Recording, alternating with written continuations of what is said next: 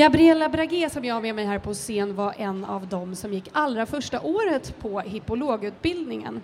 Och sedan dess har hon visat framfötterna både som ledare i företagsvärlden och i ridhusen. Välkommen Gabriella! Tusen tack! Du, eh, du gick ju allra första årskullen på hippologen.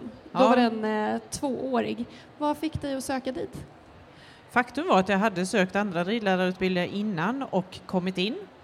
Men mina föräldrar gjorde ett valt, valde att flytta utomlands under några år och eh, vid den tidpunkten så jobbade jag i ridsporten som hästskötare och min arbetsgivare sa att vi säger upp dig, du får absolut inte jobba kvar. Nej, tyckte jag. Nej, om dina föräldrar nu ska flytta utomlands så måste du hänga på. Eh, Det här med att utbilda dig till ridlärare, bli hippolog eller vad det än må vara, det får du hoppa över. Du måste flytta utomlands och vara med om den upplevelsen, för det gör man once upon a lifetime. Så jag var inte så lycklig på min arbetsgivare som sa att du får inte fortsätta jobba med häst hos oss. Vad var det för arbetsgivare? Ja, nej, men jag älskar dem. De hade, de hade väldigt eh, döttrar som eh, var eh, internationella fotomodeller så att de visste att det här skulle bli en lifetime erfarenhet. Så att då åkte jag utomlands. Gjorde två år på en eh, öde ö, tänkte jag nästan säga, mitt i Indiska oceanen. fanns en häst på ön. Eh, och varje dag längtade jag mer eller mindre hem, men insåg att när jag nu kommer tillbaka, då, då ska jag bli ridlärare igen och fortsätta jobba med hästar. Och när jag kom tillbaka så hade man ju fått igenom hippologutbildningen. Så då blev det ju mycket mer naturligt att då söker vi den och, och testar de här antagningstesterna och så. Så så startade det. Och det var en tvåårig utbildning då, idag är det en tre. Men vad fick du med dig, tycker du, mest från de två åren?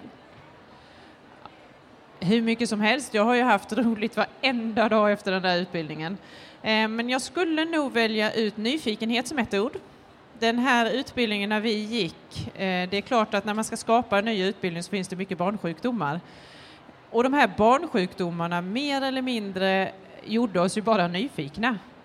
Vi skulle på somrarna, när andra utbildningar kanske hade sommarlov, då fick vi i uppdrag att faktiskt följa hur det går till i ett avelsstall. Hur går följningarna till?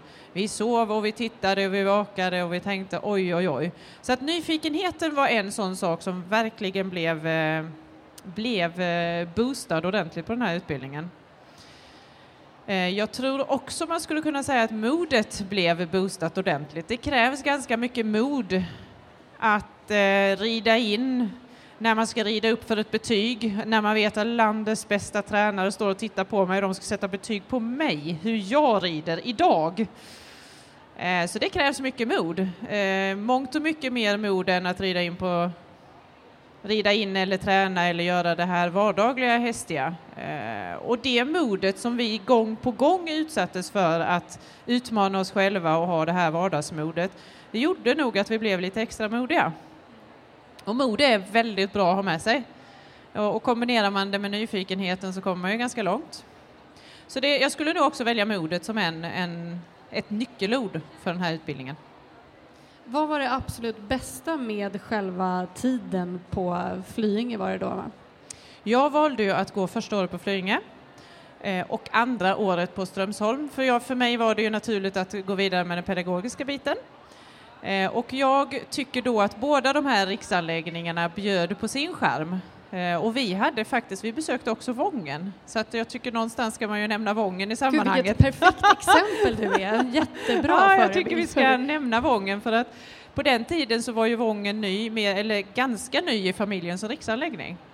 Eh, och det var ganska häftigt att möta det, för vi var inte så många som gick med trav eller, eh, och islandshästinriktningen fanns ju inte heller eh, generellt sett så. Så att därför var ju det lite nytt. Men båda de här anläggningarna bjöd på sin skärm.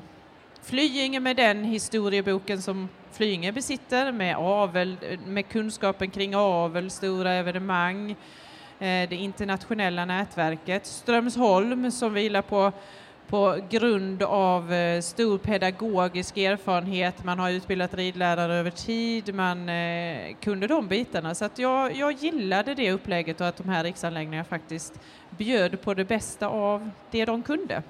Men var det bara dans på rosor i hela de här två åren? Självklart inte. Det var nog många månader man var ganska trött när man gjorde stalltjänst.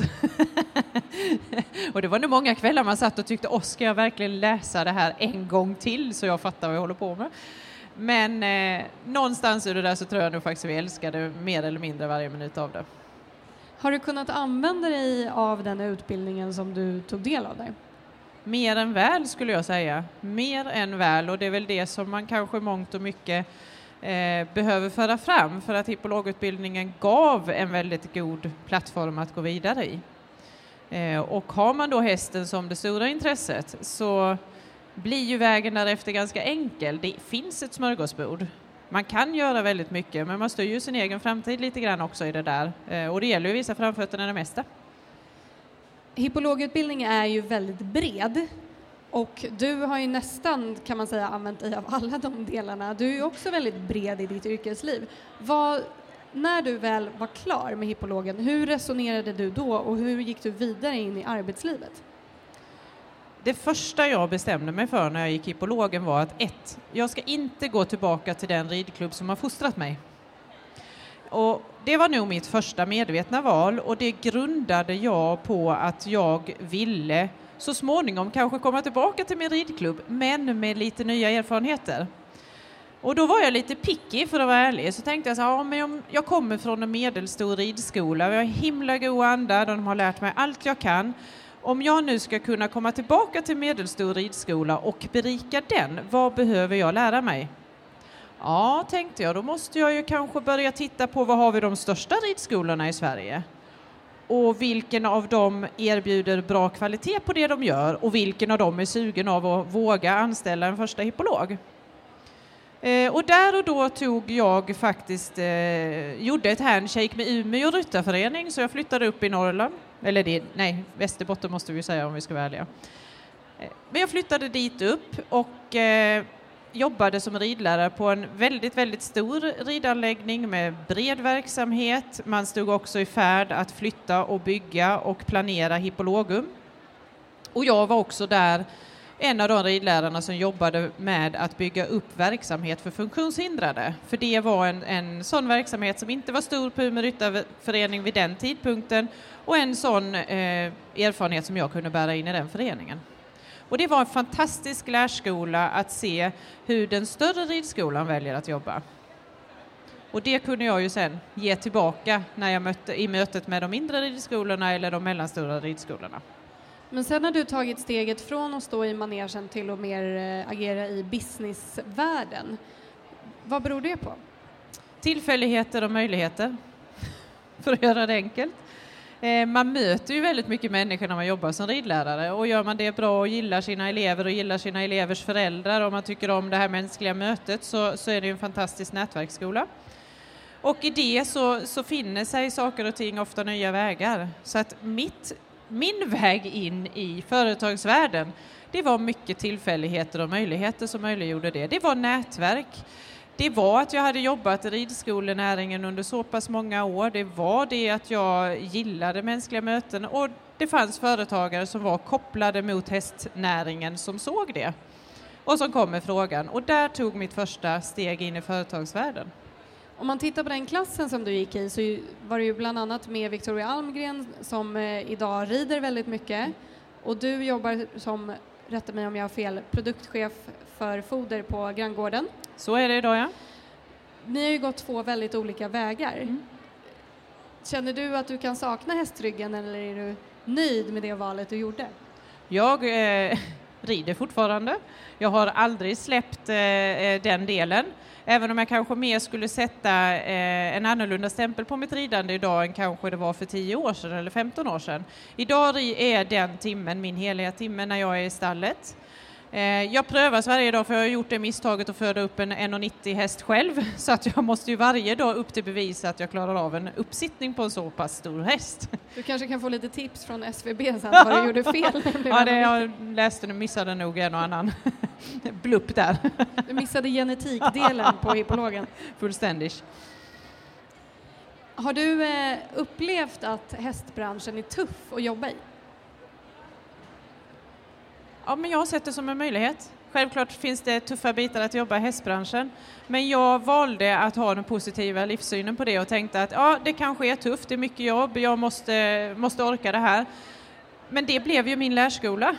Eh, och det är klart, jämför jag mig ibland kanske med eh, vänner som har en annan bakgrund än mig så tycker de jag är lite wild and crazy fortfarande naturligtvis som har hästen att ta ansvar för som fortfarande tycker att nästan ingenting är jobbigt eh, och som faktiskt har det här lite jäklar anamma, men man får väl knappast svära tänkte jag säga, men man får ju den biten med sig. Så att jag tror nog att det finns delar av det, men jag valde att se det som en möjlighet. Du har ju ett eh, chefsjobb och du har också haft ganska många styrelseuppdrag. Tror du att du har fostrats till en ledare i stallet? Svar ja. På vilket sätt då? Utan att veta om det så tror jag att vi skolades ganska tidigt till det här. Eh, och det fanns två ben i den skolningen. Det ena är ju faktiskt ledarskapet över ett ganska stor biologisk varelse som, som det gäller att förstå tidigt hur det här beteendet fungerar. Om jag kan förstå hur hästens beteende är, då är ju det typ av ledarskap att förutsäga att åh, vad är det på gång idag hos den här hästen jag hanterar? Och det var man ju tvingad till att lära sig tidigt, annars kanske man fick en blå tå eller, eller så blev det lite jobbigt att ta ut hästen i hagen eller så, så hände det ju saker som man inte ville skulle hända. Så att jag tror att hästen bidrog till att bygga eh, en ryggmärg av ledarskap. Och sen tror jag också att jag hade förmånen att växa upp på en ridklubb där vi fick vara delaktiga. Och tack vare att vi fick vara delaktiga så, så tillgavs vi också väldigt mycket ansvar. Och i det så växer det också en och annan ryggmärg. En ryggmärg av dådkraft där man faktiskt vågar ta initiativ och där man tycker att ja, men jag vågar hellre än att jag låter bli. Och på så sätt så skapas det också olika gener för eh, att bidra i ledarskapsfrågor. Om eh, du skulle ge något tips till nyutbildade hippologer, vad tror du krävs för att lyckas som hippolog i framtiden? Hur man än vrider och vänder på saker så tror jag att man måste eh, vara medveten om att du styr, din egen, du styr din egen framtid. Och du sätter ditt eget varumärke också någonstans på den resan. Eh, och hur vill du då, vad vill du att du, du ska sälja in i det? Vill du sälja in att du har en positiv attityd? Vill du sälja in att du är den andra motparten, det vill säga kanske väldigt lat eller inte alls eh, gillar att ta initiativ? Det valet är bara ditt eget. Eh, och jag tror att man också i det eh, hittar fler möjligheter om man antar den positivare attityden och att man letar i det smörgåsbordet som finns. Och jag tycker att man ska vara rädd om den resa man gör på hippologutbildningen för man skapar ett enormt nätverk jag hälsar fortfarande och, och småpratar med de lärare som eh, många gånger säkert försökte få mig att sträcka mig bättre, sitta bättre i sadeln eh, eller som på olika andra sätt då försökte bidra till min utveckling. Eh, och det är ganska gott att vi fortfarande har den relationen. Är det någonting som du skulle ha velat lägga till i din hippologutbildning? Vis av erfarenhet så vet jag att hippologutbildningen har utvecklats över tid och jag tror att de bitarna som vi kanske inte fick där och då eh, har man idag vävt in i programmet över tid. Men jag skulle nog eh, säga att mycket, mycket goda startbitar finns. Sen ska man aldrig se sig själv som slut, slutlärd eller eh, färdig bara för att man går ut hippologen. Utan där börjar resa nummer två, det vill säga att befästa alla de kunskaper som man har fått och befästa det gör man ju hela livet. Tack så hemskt mycket, Gabriella. Tack.